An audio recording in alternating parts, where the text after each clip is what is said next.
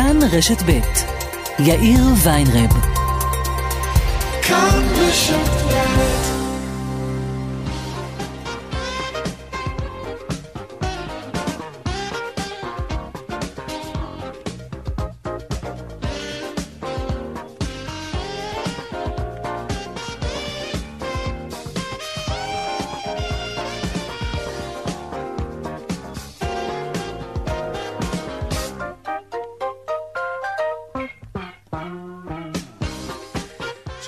לכם, ארבעה ועוד חמש דקות, כאן צבע הכסף ברשת ב' יום שלישי, העורך רונן פולק, בהפקה רונית גור אריה, טכנאי השידור שלנו היום הוא קובי ראובני.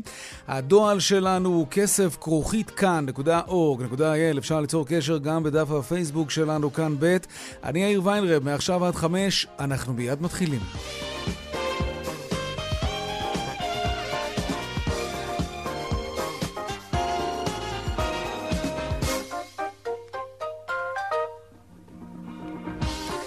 פותחים בכותרות צבע הכסף ליום אה, שלישי חשד לדליפת מידע ממאגרי חברת הביטוח שירביט.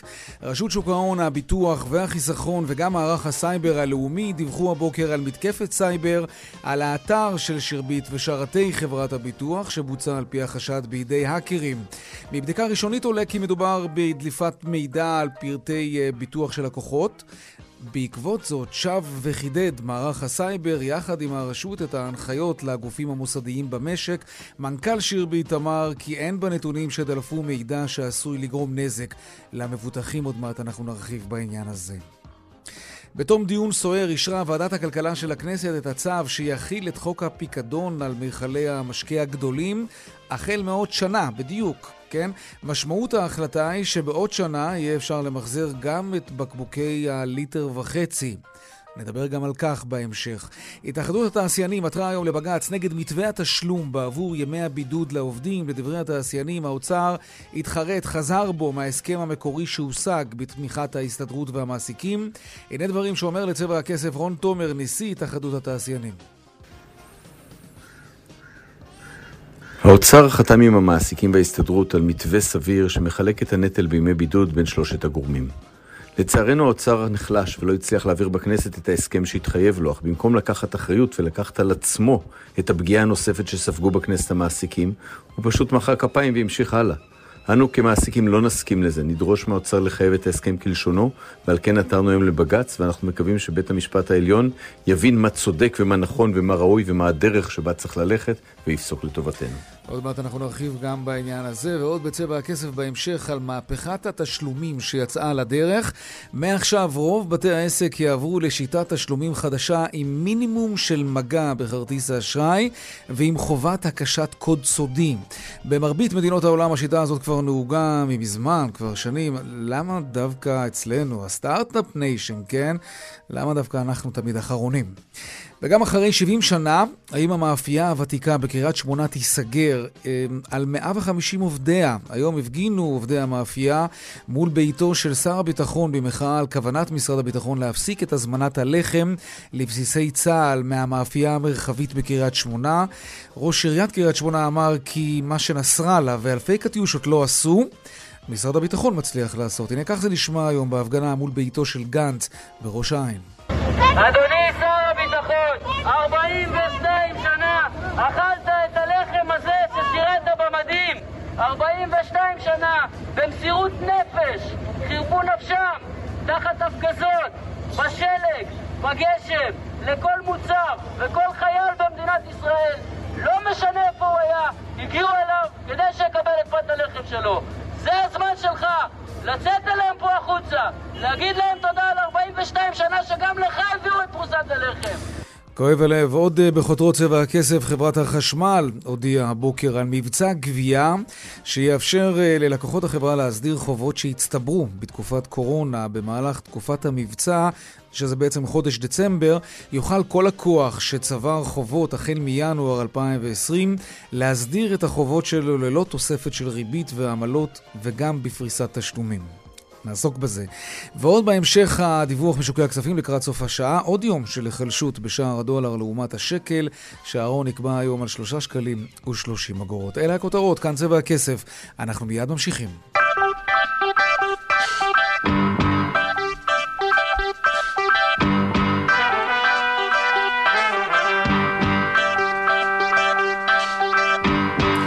אנחנו פותחים במה שנראה כמו uh, מתקפת סייבר נגד השרתים של חברת הביטוח שירביט ונגד אתר האינטרנט שלה, מוקדם יותר היום כאמור.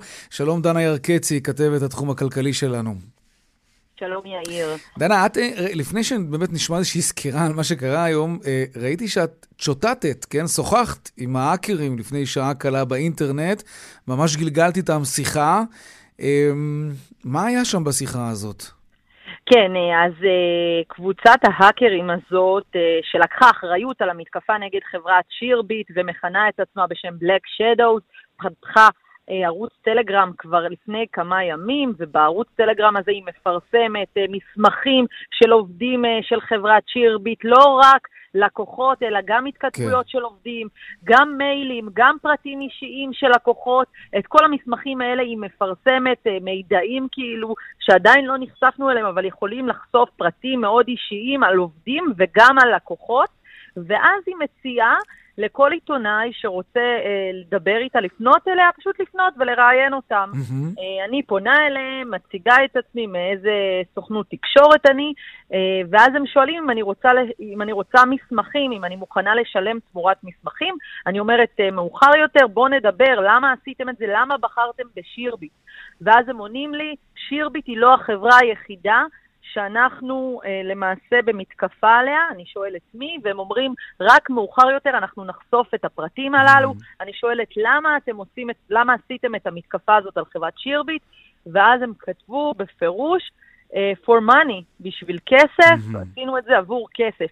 והדבר הזה למעשה אה, עושה שינוי במחשבה, אם בבוקר היו כאלו שחשבו שאולי מטרת הפגיעה והתקיפה הזאת היא חלק uh, ממסע נקמה של האיראנים בגלל חיסול המדען האיראני. כן. אז עכשיו הדבר הזה, בעצם ההתכתבות הזאת, משנה קצת את התמונה. חוקרים של סייבר ששוחחתי איתם במהלך היום כבר אמרו לי שמתקפה כזאת לא נעשית ביום אחד, וזה לא הגיוני שזה בגלל האירוע באיראן, כי מתקפה כזאת לוקחת זמן. אה, ותכנון של כמה חודשים, ולכן זה יותר נראה מתקפה שהיא בפן הפלילי mm-hmm. או בפן הכלכלי, ולאחר מכן אני מבצעת את השיחה איתם והדברים מתבהרים mm-hmm, בצורה כן, הזאת. כן, זה מעניין, מרתק. תגידי, אז כמה כסף הם דורשים, והאם בכלל יש מי שנושא ונותן איתם? כי מנכ"ל חברת שירביט אומר שלא מדובר במידע שצריך להטריד מישהו, אז יכול להיות שאולי מבחינתם יש פה איזשהו הישג, הם פרצו למערכות של חברת ביטוח בישראל, אבל הם בעצם שמו את היד שלהם על, על מידע שלא שווה כסף. אנחנו עדיין לא יודעים איזה עוד מידעים יש לאותה קבוצת האקרים, אני רק יודעת שהם רוצים כסף תמורת המידע שיש להם. זה מאוד נחמד כן. שמנכ"ל החברה בא ואומר שהמידע הזה לא עלול לפגוע ב, אה, בלקוחות ובעובדים, אבל יש שם פרטים של מיילים, רישיונות רכב, אה, אה, כרטיסי אשראי ועוד דברים כאלה ואחרים, mm-hmm. אה, כך שלבוא ולהתחייב שזה לא יכול לפגוע בלקוחות החברה, זה קצת משפט מעט יומרני, במיוחד לאור העובדה שכשאני שאלתי אותו בכמה לקוחות מדובר, הוא אמר שהוא לא יכול לדעת ולא יכול mm. לתת מספר. אוקיי. Okay. אז מה, מה, מה, מה המצב ככה לסיום? מה המצב נכון לעכשיו? האם לקוחות שירביט, אמ, מה מצבם? הם, הם מקבלים תשובות כשהם פונים לחברה ורוצים לדעת באיזה סטטוס המידע האישי שלהם, כמו כרטיסי אשראי וכולי. קודם כל, חברה... איזה תשובה הם מקבלים? אתר החברה, אתר החברה מושבת, היה מושפע, מושבת כמעט לאורך כל היום. אי אפשר היה להיכנס אליו בכל פעם שנכנסים אליו, האתר למעשה מושבת. ומי כן. שהתקשר לשירות הלקוחות, אני ניסיתי והתקשרתי לשירות הלקוחות, כן. גם הוא מושבת. אה, מפנים אליך נציגות, קודם כל עומסים כבדים, ברור. ומפנים אליך נציגות שמדברות עם דף מסרים מוכן מראש, ואין להם, מלבד דף המסרים הזה, שום יכולת, תשובות, אה, כן. תשובות או מידע לתת ללקוחות okay. אוקיי. שנמצאים חסרי אונים. אז בוא נשמע קטע, בוא נשמע קטע באמת בשיחה שאת מקיימת עם נציגת שירות לקוחות של חברת, חברת שירביט, הנה. היי, שלום. אה, אימא שלי לקוחה בחברת הביטוח שירביט, ואנחנו עכשיו הבנו שהייתה מתקפת סייבר. תקשיבי לי, במידע שקיים בינינו קיים אמנם חשד שהייתה, שחווינו מתקפת סייבר. חשוב, לצ... אנחנו... חשוב לציין, אני מציינת לך, שאין בנתונים מידע שיכול לגרום נזק למבוטחים אצלנו. החברה נוקטת בכל האמצעים הדרושים כרגע אין לנו מערכות כרגע בשביל לשרת אתכם. אני ארשום את הפרטים שלך ויחזרו אליכם. כן, דף המסרים כאמור. דנה ירקצקי, כתבת התחום הכלכלי שלנו, תודה רבה. תודה רבה לך. שלום אמיר שקד, מנהל הפיתוח של חברת הסייבר אה, פרימטר X. שלום לך. שלום וברכה. אהלן. תראה, תמיד כשאנחנו מדברים עם חברות גדולות במשק, והתראיינו אצלנו אה, לא מעט מנכ"לים במרוצת השנים, אנחנו שואלים אותם לגבי ההתמודדות עם סייבר, והאמת שרובם ברוב המקרים אומרים בכנות שכמעט יום-יום הם מתמודדים עם זה, אבל כל התקיפות נכשלות. אבל כנראה שמדי פעם זה מצליח. איך, איך אתה מעריך את ההצלחה הזאת היום? אני חושב שזו הצלחה גדולה, אני גם, קשה לי להתחבר לאמירה שרוב התקיפות האלה לא מצליחות. קבוצות התקיפה, אם תחשוב על זה, יש להן יתרון מאוד גדול. אין שום דבר שעוצר אותם בפועל מלהמשיך לנסות, והם צריכים בסוף להצליח פעם אחת. והדוגמה הזאת היא יכולה להיות דוגמה כן. מאוד אה, בולטת. פעם אחת הם מצליחים, חודרים uh, לרשת uh, בדרך כזו או אחרת, ויש הרבה דרכים לממש איומי סייבר. ומשם האירוע מתגלגל. אוקיי, וממה שאתה מבין, התקיפה הזאת, באיזה אופן בעצם מסכנת את לקוחות חברת שירביט? כלומר, האם אני, אם נגיד אני לקוח שלהם, אני, אני צריך להתקשר אוטומטית כבר לחברת האשראי, לא לקחת סיכון, ולהחליף את המספר כדי שפרטי האשראי שלי לא יסתובבו בדארקנט או אלוהים יודע איפה, ויעשו פתאום מסע קניות? שאלה מצוינת. אמ, יש פה אוסף של נתונים שלכאורה נגנבו.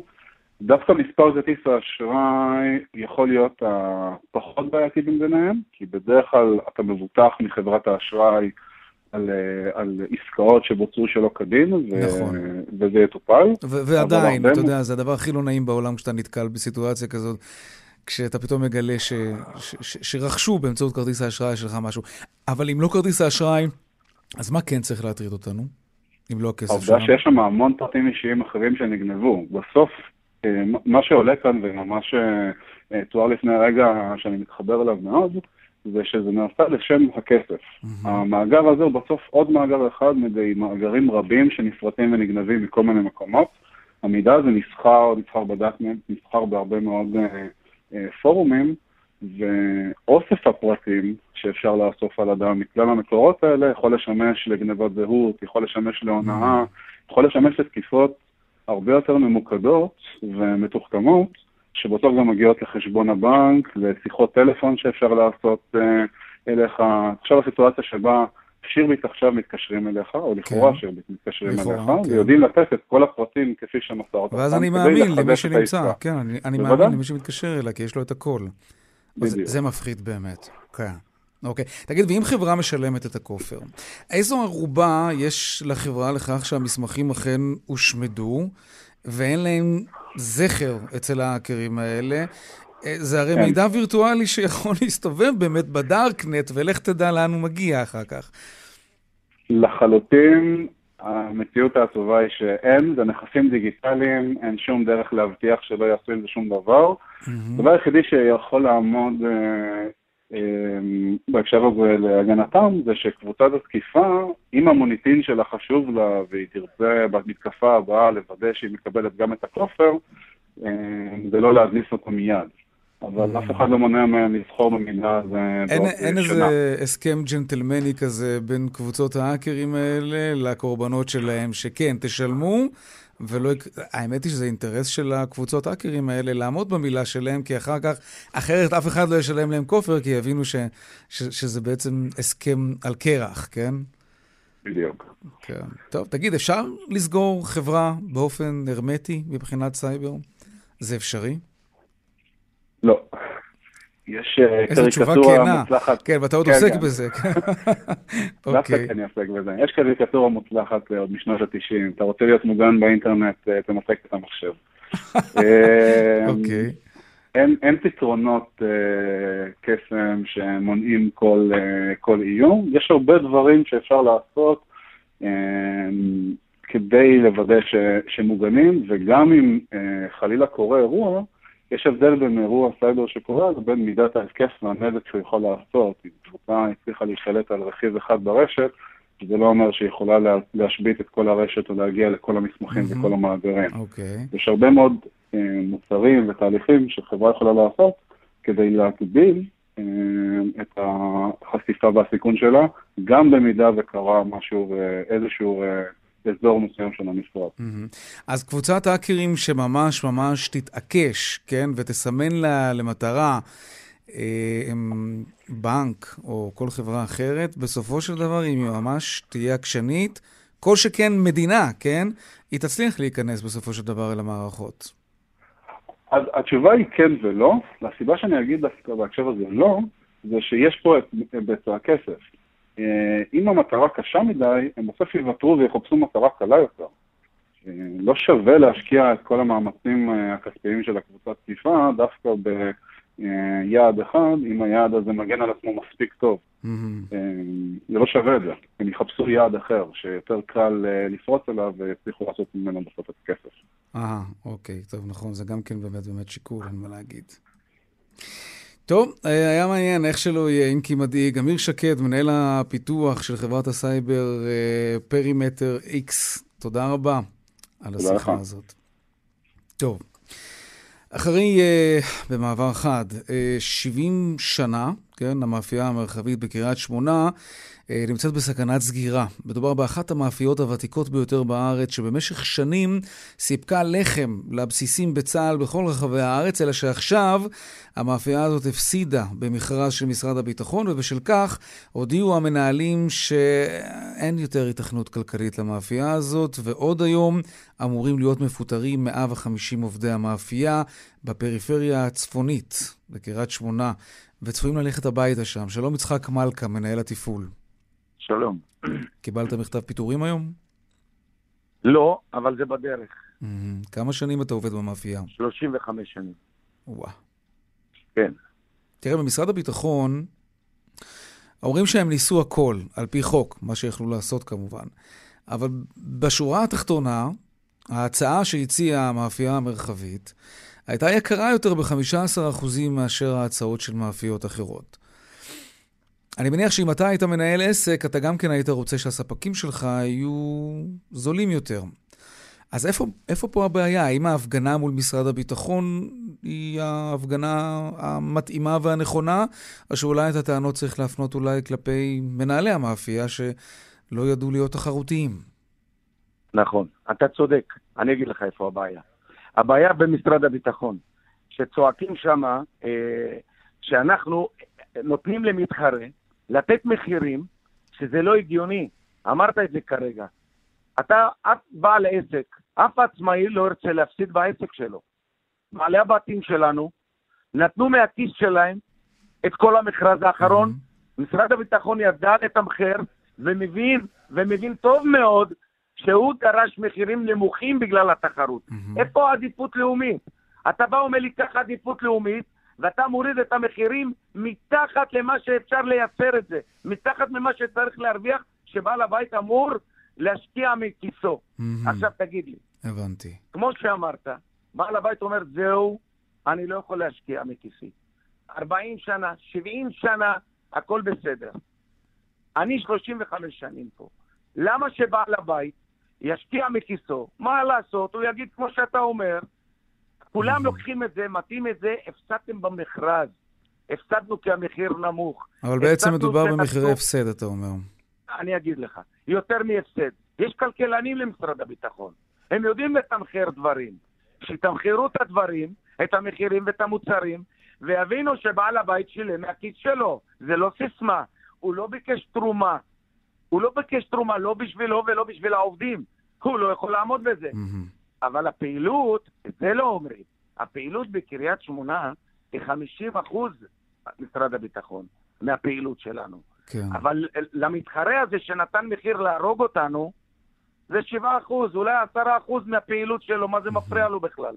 לא מזיז לו. אז הוא עשה את זה על מנת שמה? להרוג אותנו, ואז לא יהיה תחרות במכרז הבא, כי לא יהיה כבר עדיפות לאומית, מה שעושים סיסמאות, ואז הוא יעלה את המחיר למשרד הביטחון. מה אז משרד הביטחון ישלם כפול? שתיים, תגיד לי, אתה רוצה לשלם לכל האנשים פה שאתה הולך לשחרר הביתה, משרד הביטחון הולך לשחרר הביתה במהלך שלו, שלא נתן לנו לגשת לכל המכרז, חסם אותנו, התחננו שילך, זה מכרז, תן לנו את כל האזורים, שאולי זה יהיה כדאי ללכת על זה. חסמו אותנו, אתה הולך לתת להם אבטלה. אבטלה היא פי שלוש ממה שאנחנו דורשים שיעזרו. למי יעזרו? לבעל הבית לעזור לנו. מה דורשים שם? אתה יודע, 7-8 מיליון ילכו לשלם פה אבטלה לאנשים. אנשים מבוגרים, אנשים מוגבלים. זה לא שעכשיו הוא ישלם אבטלה ואנשים יצאו לעבוד. קריית שמונה אין עבודה. בקריית שמונה ארבע מפעלים נסגרו עכשיו. הולך להיסגר עוד מקום. ועכשיו אנחנו, אנחנו יותר מכולם יותר חשובים. אני אמרתי את זה בכמה מקומות. גם במשרד הביטחון אמרתי את זה, וגם לראש העיר. היום, היום היה, הייתה ועדת כספים. מיקי לוי מיש עתיד, ופה זה לא פוליטי כלום, וינון אזולאי מש"ס הגישו הצעת חוק, לנסות לעזור לנו. תגיד לי, לתת שניים, שלוש מיליון בשנה עד למכרז הבא, שכל המשפחות האלה, ה-150 משפחות האלה, לא ילכו הביתה. תגיד לי, זה לא יותר זול למדינה? תגיד לי, ה-120 חברי כנסת שיושבים בוועדת אה, כספים, אין לאף אחד אומץ להגיד, בואו הנה, תעזרו לאנשים האלה. תעזרו לאנשים האלה, הרי תרדיפו אחריהם ברחובות. האנשים האלה לא יכולים לשלם משכנתה. האנשים האלה לא יכולים לשלם מזונות. היית במאפייה היום? האנשים האלה לא יכולים לשלם עיקולים. היית... תגיד לי, זה יותר זול? הנקודה, הנקודה ברורה, ואתה אומר דברי טעם. יצחק, היית היום במאפייה? אני, לצערי, היום התחלתי במאפייה, כי אנחנו, עם כל, ה, עם כל הכבוד, כן. יש לנו אחריות. עדיין יש לנו אחריות לשווק ממטולה ועד אילת. Mm-hmm. והייתי רוצה שאתה תעלה בשידורך, שאתה מולי כרגע, מישהו מאיזושהי בסיס בארץ, ממטולה ועד אילת, שלא קיבל בכל זאת סחורה. וכל הנהגים הגיעו למעונו של אה, ראש, אה, לשר הביטחון. כן. תתאר לי את התחושה אצל העובדים. תגיד לי, הוא לא יכל לצאת אלינו? הוא, הוא לא יצא? הוא לא יכל להגיד לנו, חבר'ה, אני איתכם. זה איש שאנחנו מאמינים בו. אנחנו לא פוליטי. זה איש שאנחנו מאמינים בו. זה איש צבא. הצבא שירת בצפון אצלנו, הוא מכיר אותנו. תעשה, תיקח אומץ. תגיד שאני צריך לעזור לאנשים האלה. כולם הולכים, הפסידו במכרז ובזה נגמר. תגיד לי, מה זה היה מכרז של צעצועים? מכרז של אופניים? לחם. תרתי משמע, אנחנו נלחמים על הלחם. על הלחם כן. אנחנו נלחמים. לא שמוכרים נעליים ואומרים, לחם עבודה. זה לחם עבודה אמיתי שלנו. שלנו. עכשיו תגיד לי, ראש העיר, ראש האופוזיציה, אביחי שטרן, ראש העיר, וראש האופוזיציה אלי זפרני שמלווה אותנו שנים, הם, גם כראש העיר לשעבר ניסים מלכה. הם לא עצרו, ועזרו לנו שנים, ועוזרים לנו שנים. אני מצדיע להם. אבל תגיד לי, כל אלה, כל החברי כנסת הם אטומים? אתם, מה אתם מדברים איתכם? על 100 מיליון? לקנות מטוס? מה לקנות? לתת 2 מיליון, כי אתם הולכים לשלם יותר מזה. אתם הולכים לשלם יותר מזה באבטלה. אתם הולכים חלילה לשלם יותר מזה, שאנשים לא יוכלו לשלם משכנתאות, תעשו להם עיקולים ומעצרים. מעצר גם כן. עולה כסף. יצחק. אתה מבין מה שאני אומר? כן, אני חושב שהדברים ברורים, יצחק. אני מקווה שאנשים יבינו שזה לא הפסד, כל אחד mm. אני שומע, הפסדתם במכרז. כל החברי כנסת מתקשרים. אני קודם כל מאוד מעריך את אלה שהגישו היום את זה בוועדת כספים, כדי לחשוב עלינו בכלל. תעזרו לבעל הבית, בעל הבית לא בוכה. בעל הבית אומר מה שאמרת אתה קודם. אני בעל הבית, מפסיד, הפסדתי, לא מפסיד, הפסדתי, מימנתי. בואו תעזרו לי עכשיו קצת להחזיק את האנשים האלה. אחרי שנחזיק אותם שנתיים, נדע להתמודד במכרז הבא שוב בכבוד. 40 שנה בכבוד, אני 35 שנה. מהיציאה בלבנון, 85 שיצאתי בלבנון, אני במאפיה המרחבית. יצחק מלכה. תודה רבה לך על הדברים, אני, אני מקווה שהדברים יסתדרו. כן, יצחק מלכה, מנהל התפעול במאפייה המרחבית בקריית שמונה, מאפייה שהפסידה במכרז של משרד הביטחון, וככל הנראה תיסגר. אנחנו מקווים כמובן שזה לא יקרה בסופו של דבר. יצחק, תודה. טוב, שלום, אה, תודה יצחק. שלום לרובי גינל, מנכ"ל התאחדות התעשיינים. שלום יאיר. עוד מעט uh, נדבר כמובן על ימי הבידוד ומי אמור לממן אותם, סוגיה שמלווה אותנו כבר חודשים. התייחסות שלך למה ששמעת עכשיו, ביצחק מלכה, מלכה, מנהל התפעול. תשמע, יש פה, איזשהו, יש פה איזשהו כשל מסוים. כלומר, כשבאה המאפייה הגדולה עם אמצעים ועתודות, אה, יכולה להרשות לעצמה במכרז שניים, שלושה, להפסיד כסף, רק בשביל שתהיה לה פריסה. ובעצם זה בא על חשבון מאפיות, שזה תרתי משמע הלחם שלהם.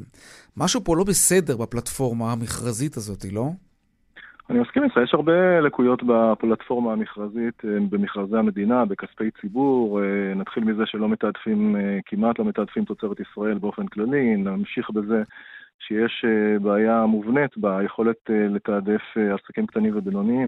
הממשלה והחשב הכללי טיפלו בזה במהלך השנים האחרונים, ויש להם קווטה בעצם למכרזים שבהם יזכו עסקים קטנים, אבל אני לא יודע עד כמה זה מיושם בשטח. Mm, כנראה שלא.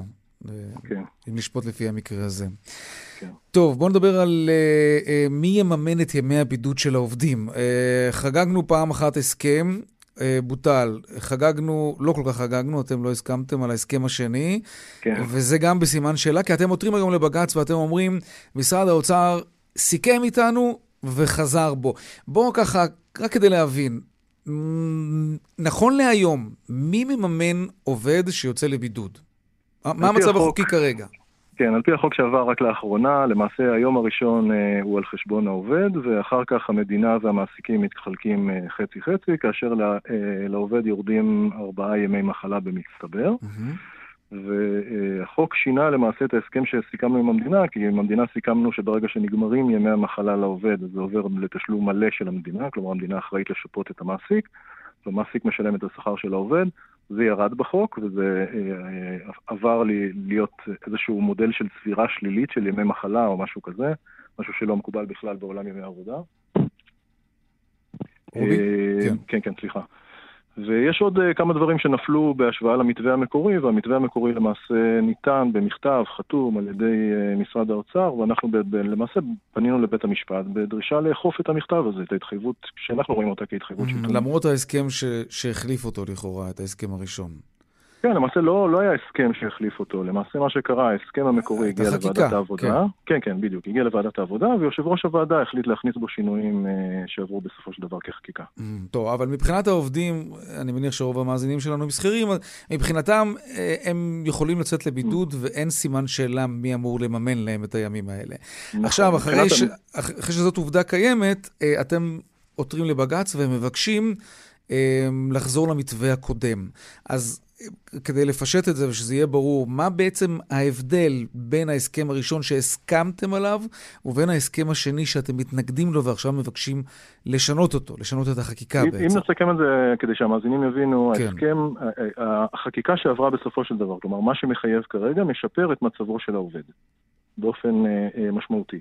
ההסכם המקורי היה בעצם חלוקה בין שליש מדינה, שליש עובדים ושליש מעסיקים.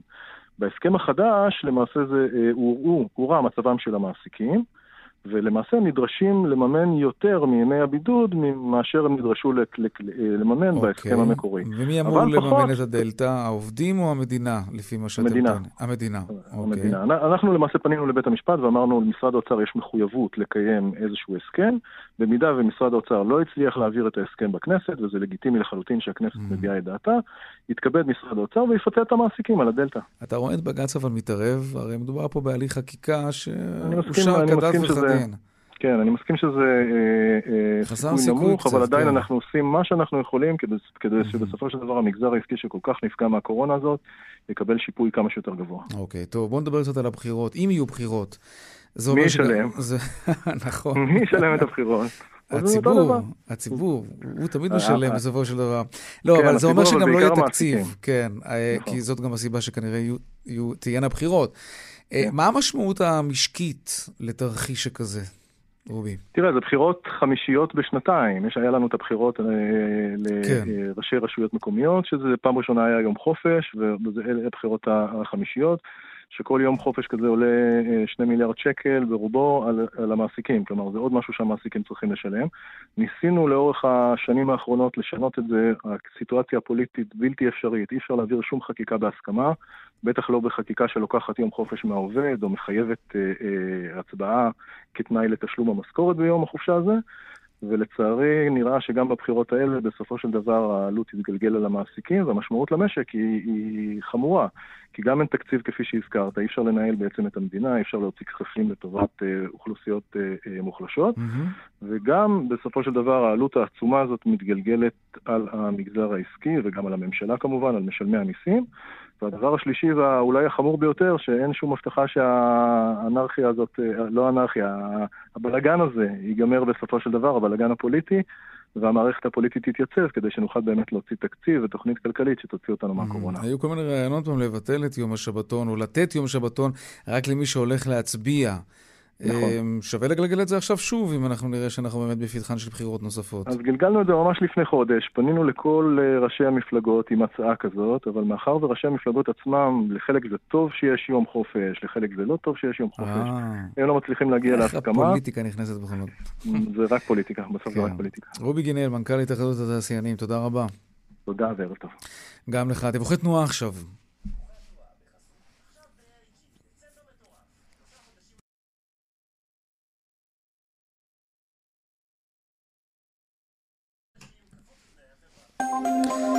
בדרך 6 לכיוון צפון עמוס ממחלף נשרים עד בן שמן וממחלף קסם עד מחלף אייל וממנהרת נילי עד יוקנעם עילית. בגאה דרומה עמוס ממורשה עד מחלף גנות ולכיוון צפון ממחלף השבעה עד מורשה. באיילון צפון עמוס ממחלף חולון וקיבוץ גלויות עד מחלף השלום ובהמשך ממחלף ההלכה עד גלילות. לכיוון דרום יש עומס ממחלף רוקח עד לגוארדיה וממחלף וולפסון עד דוב הוז. דיווחים נוספים בכאן מוקד התנועה, כוכבי 9550 ובאתר שלנו, אתר התאגיד, אתר כאן. הפסקת פרסומות קצרה, ומיד אנחנו חוזרים ממות צבע הכסף. נדבר גם על מהפכת התשלומים. כמעט 40 דקות אחרי השעה 4, עכשיו אה, נדבר על מהפכת התשלומים, ש- שמאתמול היא כבר רשמית, ויש בתי עסק שחייבים לאפשר לכם לשלם, אם, אם בא לכם, באמצעות הסמארטפון או השעון החכם שלכם, או כרטיס אשראי שלכם ב- בשיטה שלא מחייבת גיהוץ, מרחוק כזה, עם קוד סודי. שלום אה, דנה גרטי, מומחית אה, בעולם התשלום מהיחידה לחדשנות בטכנולוגיה פיננסית בפיקוח על הבנקים, בנק ישראל, שלום. שלום לך. טוב, קודם כל, אה, מה זה אומר? באילו בתי עסק זה אמור להיות ומה המשמעות מבחינתנו, הצרכנים? בעיקרון, כל בתי העסק יכלו לעבור ויכולים להמשיך לעבור לשלם באמצעות אה, הטכנולוגיה של ה-EMV. אנחנו דרשנו שבתי עסק גדולים, שמחזור העסקים שלהם מעל 100 מיליון, ובתי עסק קטנים שכבר אה, אה, השקיעו כסף והעבירו את החומרה ורק נדרשו לעדכון תוכנה אה, קצר, התאריך שקבע, שקבענו היה אתמול, עד. אתמול. אוקיי. ובאמת, אם אתם אה, הולכים היום בחנויות, אתם רואים יותר ויותר בתי עסק, שזאת שיטת התשלום אה, חדשה. אבל יש, יש, יש שתי שיטות ששמתי לב, הרי זה התחיל בעצם בחודשים האחרונים, ואולי אפילו לפני זה, אה, אבל מעכשיו זה בעצם חובה בעבור אותם בתי, בתי עסק שעונים לקריטריונים שאתם קבעתם. אבל יש, יש בתי עסק שאני נדרש להקיש את הקוד הסודי, יש כאלה שאני לא, שאני רק מקרב את האשראי לאיזשהו מכשיר קריאה כזה, וזהו. מה ההבדל בין שתי השיטות האלה? אז שתי השיטות למעשה הן אה, גלגול של אותה שיטה, של אותו פרוטוקול של EMV. Mm-hmm. אוקיי. השיטה הישנה יותר, זו באמת השיטה שהיא יותר שכיחה, והיא לעסקאות שמעל 300 שקלים. שבהם צריך אה, להכניס את הקוד, את הכרטיס לתוך הטרמינל ולהכניס כן. את הקוד הסודי. אוקיי. בעסקאות שמתחת ל-300 שקלים, אפשר באותם, מרחוק. באותם כרטיסים שיש להם אימון של כמו וי-פיי, שזה נכון, נכון. כאלה ששוכב כן. על הצד, בהם יש טכנולוגיה של NFC ואפשר לשלם באמצעות רק mm-hmm. לקרב את הכרטיס למסופון. עכשיו, מי, מי הם בתי העסק שחייבים לתת לנו שירות בקופה בטכנולוגיה הזאת, שאני יכול אפילו לצאת בלי הארנק ולשלם באפליקציה שלי, אה, בסמארטפון או בשעון החכם? איך אני יכול לדעת שזה בית עסק שמכבד את השיטה הזאת, או כזה שלא מחויב? סליחה, כזה שמחויב או לא מחויב? אוקיי, okay. אז, אז היום, היום זה קצת אה, קשה ומבלבל. כי בעיקרון אנחנו קבענו כמה מועדים שבאמת השוק יעבור בהדרגה. אה, לא רצינו שכולם יעברו ביחד. אה, חייבנו את הרשתות הגדולות וגם כן. בתי עסק קטנים, אבל עד יולי 2021 כולם יעברו. אמ, עד בגדול- יוני 21. כלומר, עוד חצי כן. שנה. עוד נכון. חצי שנה כל בתי העסק אמורים אה, לאפשר לנו להשתמש בטכנולוגיה הזאת. נכון מאוד. תגידי, זה יותר בטוח? כן, אה, זה תקן אבטחה. חד משמעית זה יותר בטוח, יש קוד סודי, יש טכנולוגיה מוצפנת. כי אה, אני אגיד לך מה, הרבה אנשים, אני חושב שגם אני שייך אליהם, עצם העובדה שאני צריך להקיש בבית העסק את הקוד הסודי, אה, זה גורם לאנשים להרגיש לא בנוח. כן, מה, למה אני צריך להקיש פה את הקוד הסודי? מקום שאני לא מכיר. אה, זה לא בנק, זה לא הכספומט שאני רגיל אליו. זה דווקא עלול לעורר כן איזשהו חשש. זה שונה מאשר שמגהצים לי את המכשיר. פה ממש יש פה איזושהי מערכת שלוקחת ממני קוד סודי. נכון, אבל מצד שני, אה, אני חושבת שפשוט התרגלנו כל כך לשיטה הישנה, שדברים ש, שנראים לנו אה, בסדר, כמו לתת את הכרטיס למלצר במסעדה והוא נעלם כן, לנו עם גם הכרטיס. נכון. אה, פתאום, פתאום עכשיו אנחנו לא צריכים לעשות את זה, הכרטיס כן. נשאר כל הזמן אצלנו ביד. Mhm. אה, אנחנו מקישים את הקוד הסודי, המסופון מופנה אלינו, הקופאי לא רואה את, ה, את המספר שאתה מקיש, אפשר גם לשים עם היד ולהסתיר את זה. אה, כן, ו- וזה משהו שאנחנו צריכים להתרגל אליו. יחד עם זאת, באמת, כמו שהתחלת בפתח הדברים, זה באמת מאפשר כניסה של טכנולוגיות חדשות. Mhm. של ארנקים אה, באמצעות הטלפון הנייד, או באמת באמצעות אה, אמצעים לבישים כמו שעונים. כן, אפל פיי, גוגל פיי. אה, אגב, לא- לאן כל זה, ככה לסיום, אני רוצה לשאול אותך, לאן כל זה הולך? כרטיסי, הש- הפלסטיקים נראה לי ייעלמו מפה תוך כמה שנים ולא הרבה. אני, אני, אני חלוקה עליך. כן? אני לא חושבת שהסכמה והביטחון שכרטיס אשראי נותן, והאפשרות להשתמש בו גם בעסקאות במדינות שונות. אבל יש את הסמארטפון, ויש... יש... אבל בסמארטפון זה רוכב על אותה תשתית. זאת אומרת, הכרטיס הפיזי אולי ייעלם. על זה אני מתכוון, על הפלסטיקים אוקיי. האלה. אוקיי. הפלסטיקים יכול להיות שיעלמו, אבל גם כן, אתה יודע, לפעמים, אה, אה, א', לא לכל האוכלוסיות אה, יש טלפונים חכמים, נכון. ולכן הכרטיסים האלה לא הולכים להיעלם, כי השימוש בכרטיסי אשראי ימשיך להיות אה, נפוץ גם לאוכלוסיות שלא משתמשות בטכנולוגיות. תשלום אה, ביומטרי?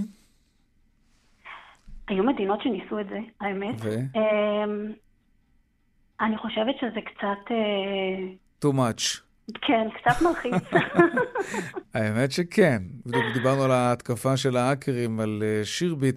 אני לא רוצה לחשוב אם למישהו יהיה מיפוי של קרנית העין שלי ובאמצעותה אני משלם דברים, אז אה, כן, זה, זה כנראה יותר מדי. זה יותר בדיוני, אני לא יודעת אם זה אוקיי, מעבר לפינה. אנחנו, אנחנו נתקדם ב baby step. אוקיי. גם זה משהו. כן, אבל אנחנו בדרך לשם לגמרי. דנה גרטי, מומחית בעולם התשלום מהיחידה לחדשנות בטכנולוגיה, בטכנולוגיה פיננסית בפיקוח על הבנקים, בנק ישראל. תודה רבה לך על השיחה הזאת. תודה לך, ביי ביי. להתראות. טוב, אה, אבי כץ, אה, מוכר לנו, הוא ייסד את קופיקס, והיה גם בעבר שותף אה, בהכל בדולר, בכפר השעשועים ועוד. הוא ייסד לפני כמה שנים קרן השקעות שמציעה למשקיעים להשקיע כסף בכל מיני מיזמים של נדל"ן בחו"ל, בשיטה של קבוצות מכירה. אלא מסתבר שאף תוכנית לא מומשה, וההבטחות שניתנו למשקיעים, איך נגדיר את זה? עמית תומר, תלויות באוויר. כן, צריך להגיד, אה, תלוי אה, למי, כי להגשמה יש הרבה מאוד אה, פרויקטים, 250, אבל רק כמחצית מהם בעצם הגשימו את ההבטחה שנתנו למשקיעים לטענתם, שזה להרוויח ולהרוויח תשואות יפות. אבל בעצם בהרבה מאוד פרויקטים התגלו בעיות עם השנים. המודל של הגשמה בנוי ככה, שכמו שאבי קצה הנגיש לנו את מחירי הקפה, כוס כן, קפה עשה בבית מהפכה קפה. אדירה, צריך לומר, בה- בהיבט הזה, כן. נכון, תכף אפשר לדבר גם עליה, אבל אני אומרת, בהקשר הזה, הוא רצה להפוך את התחום של השקעת נדל"ן אה, בחו"ל לעסק אה, שבאמת כל אחד שאין לו איזה סכומים אדירים להשקעה יכול להרשות לעצמם על ידי סוג של קבוצות רכישה, אה, אלא אה, שבפועל אנחנו מגלים בעיות בהרבה מאוד מהפרויקטים האלה, סיפורים שחוזרים על עצמם, בעיות עם היזמים, בעיות עם שווקי הנדל"ן, שמה שנקרא לא מניבים כמו שציפו, והפרויקטים לא מצליחים להימכר, ובסוף עוד ועוד משקיעים, אנחנו מדברים על מאות משקיעים שאיבדו את כספם כבר, או מרגישים שכספם אה, בסכנה. Mm-hmm. הערב במוסף בשביל הכסף אה, נשדר כתבה שבאמת אה, תסקור אה, כמה מסימני השאלה אה, שעולים אה, סביב המיזם הזה, אבל בואו נדבר על חלקו של אבי כץ בתוך העניין. הוא היה מייסד, הוגה הרעיון, אה, כמו עם אה, קופיקס. הפנים אה, שהתנוססו על הקרן הזאת, ראינו אותו נואם בהשקות, ראינו אותו בעצם מוביל את המהלך הזה, והרבה משקיעים הלכו בעקבותיו, בגלל שכמו שאתה אומר, הוא דמות מוכרת. תשמע אותו בשיחה עם משקיעים, איך הוא מדבר על זה היום, ומה באמת היה חלקו בכל העסק. לא רציתי שישקיעו אצלי. החיים שלי נהיו שחורים, אני לא שם בלילה מדאגות על אנשים. עשיתי 60 אנשים, נדחפו 140 אנשים. ה-141 הגיע חנן שמש, לא רציתי לקבל אותו. אז השקענו חבר'ה. אז הגיע חנן שמש. אמר, אתה יודע מה יש לך ביד? באותו רגע זזתי הצידה, מ-2010 אני לא מנכ"ל ולא יושב ראש. כשיושבים שם רואה חשבון, עורך דין, מה אני, אנגלית לא יודע. אתה לא מדבר אנגלית? לא יודע אנגלית, יודע אנגלית שבורה. לקרוא אני לא יודע מילה באנגלית. אפשר להגיד אתה אחראי אישית? עכשיו נגד הקרן הזאת יש הרבה מאוד תביעות, רובן גם ממוענות באופן אישי לאבי כץ, לזה הוא מתייחס, בעצם אה, מנסה ככה לתלות את האחריות בגורמים אחרים בחברה, למרות שבזמן אמת זה ממש לא היה ברור שזה כל אה, חלקו, צריך להגיד, אה, עבור המשקיעים. וזה לא הפעם הראשונה שזה קורה, יאיר, גם בקופיקס, אנחנו ראינו בעצם שהמיזם התחיל בתרועה גדולה, אבל בסופו של דבר נכשל. כלומר, התברר שאי אפשר להרוויח... הוא יצא ממנו בשלב מסוים. כן, לפחות לפי המודל העסקי של קופיקס, מקפה בחמישה שקלים, כשנפתחו הרבה מאוד סניפים, כשכבר לא מכרו מה שנקרא כן. אלפי או עשרות אלפי כוסות קפה ביום, ואז הוא מכר את החזקותיו לרמי לוי. גם כאן, כשהעניינים מתחילים להסתבך בתחילת השנה, הוא בעצם מוכר uh, 50% מההחזקות שלו, וככה בעצם מגיע למצב שהמיזמים שלו פעם אחר פעם תלויים במודל שקודם כל אתה מרוויח מתלות בזכיינים ומשקיעים, ואז אם העסק מסתבך בזמן שהם מפסידים, אתה מרוויח עוד קצת מלמכור הלאה. הסיפור המלא, אה, הערב, בחדשות הערב, במוסף בשביל הכסף. עמית תומר, מגישת בשביל הכסף. תודה רבה. תודה.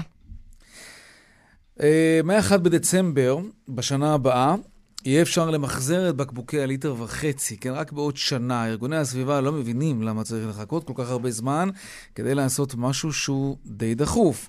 ויש בעניין הזה גם הרבה מאוד כסף, כמובן, כרגיל. כתבתנו מיכל וסרמן מדווחת. כן, אה, יאיר, 120, 120 מיליון שקלים, זה הכסף הגדול שטמון בתוך uh, החלת חוק הפיקדון על, uh, על מחזור בקבוקים כן. גדולים, והיום מחליטה על זה ועדת הכלכלה של הכנסת. זאת בשורה לסביבה עם הביקורת שיש, זה קורה אחרי עשור, היום הם מאשרים את זה, זה ייכנס לתוקף בעוד שנה, וזה כדי לתת לרשתות, לרשתות השיווק וגם לחברות המשקאות להיערך. השרה להגנת, להגנת הסביבה גילה גמליאל, שנכחה בדיון, סיפרה שהיו עליה לחצים כבדים שלא להכיל את הפיקדון על מכלים גדולים. נשמע דברים שאמרה בתום הדיון. חברות המשקאות שתו לאורך כל השנים הרבה מאוד כסף שמגיע לציבור. היום אנו משחררים את הפקק ועושים צדק חברתי וסביבתי. אנו רואים את הבקבוקים הגדולים בשמורות הטבע, בנחלים, במרחבים הפתוחים. החל ב-1 בדצמבר 2021 המצב ישתנה. חוק הפיקדון הוא למען הצרכנים ויש לו תועלות רבות מוכחות, בריאותיות, סביבתיות וכלכליות. הרבה מאוד כספים יחזרו סוף סוף לציבור. כך ישתפר ניקיון השטחים הציבוריים ונצמצם את הפגיעה בסביבה ובחיות הבר. כן, כן, בארגוני הסביבה הם מברכים, אבל יש גם ביקורת. אה, מאיה יעקובס מעמותת צלול אומרת שאפשר היה להכיל את הצו כבר עכשיו בתוך חודשים ספורים, וכבר להתחיל את הרווח ואת ה... את התמורה של זה לסביבה. היום בישראל נאספים בכלובים פחות מ-50% ממכלי המשקה הגדולים, השאר מגיעים למרחבים הציבוריים ומזהמים.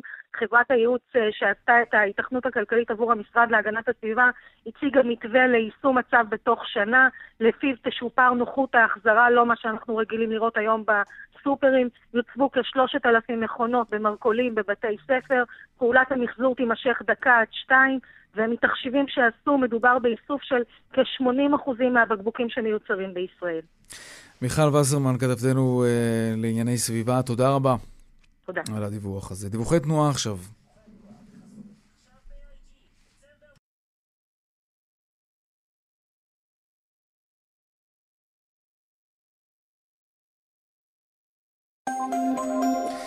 דרך 85 נחסמה לתנועה מצומת גילון עד צומת כרמיאל, מערב בשני הכיוונים, ובאיילון צפונה יש עומס ממחלף חולון וקיבוץ גלויות עד מחלף השלום, ובהמשך מההלכה עד גלילות, ולכיוון דרום ממחלף רוקח עד לגוארדיה, וגם מוולפסון עד דוב הוז יש עומס. עכשיו לחברת החשמל שרוצה לצמצם את היקף החובות של הצרכנים אליה.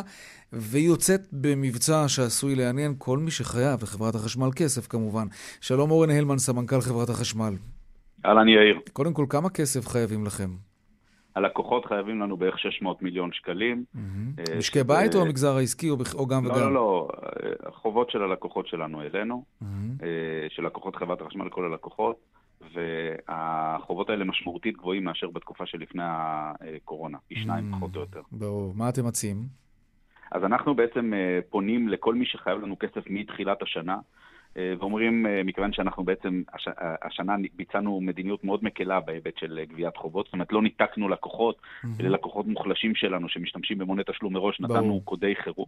אנחנו אומרים להם, תשמעו, בואו תשלמו, אנחנו נפרוס לכם, ניתן לכם כמה הטבות. אחד, זה שאנחנו נאפשר לכם לשלם את החובות שלכם מתחילת השנה ללא ריבית וללא עמלה, ובפריסה נוחה. כלומר, עד שלושה תשלומים לא משלמים ריבית ולא עמלות. מארבעה עד חמישה תשלומים נניח יחויבו ב-70 אחוז, ויותר התשלומים, פריסה רחבה הרבה יותר, אנחנו מאפשרים אה, אה, לקיים את הפריסה, אבל אה, לשלם את הריבית. זאת אומרת, זו פעם ראשונה למעשה שאנחנו מאפשרים לפרוס לפרק זמן, לפריסה מאוד ארוכה, ולשמוט בעצם את הריביות וה, והעמלות.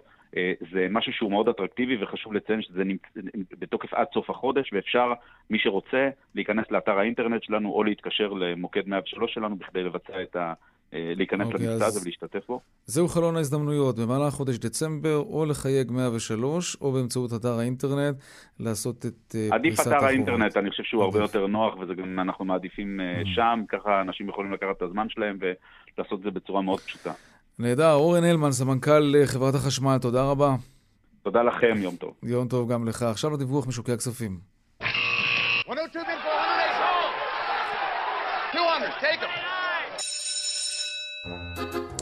שלום אייל ראובן, מנכ"ל ובעלים ארנינגס השקעות. יש לנו לצערי דקה וחמש שניות.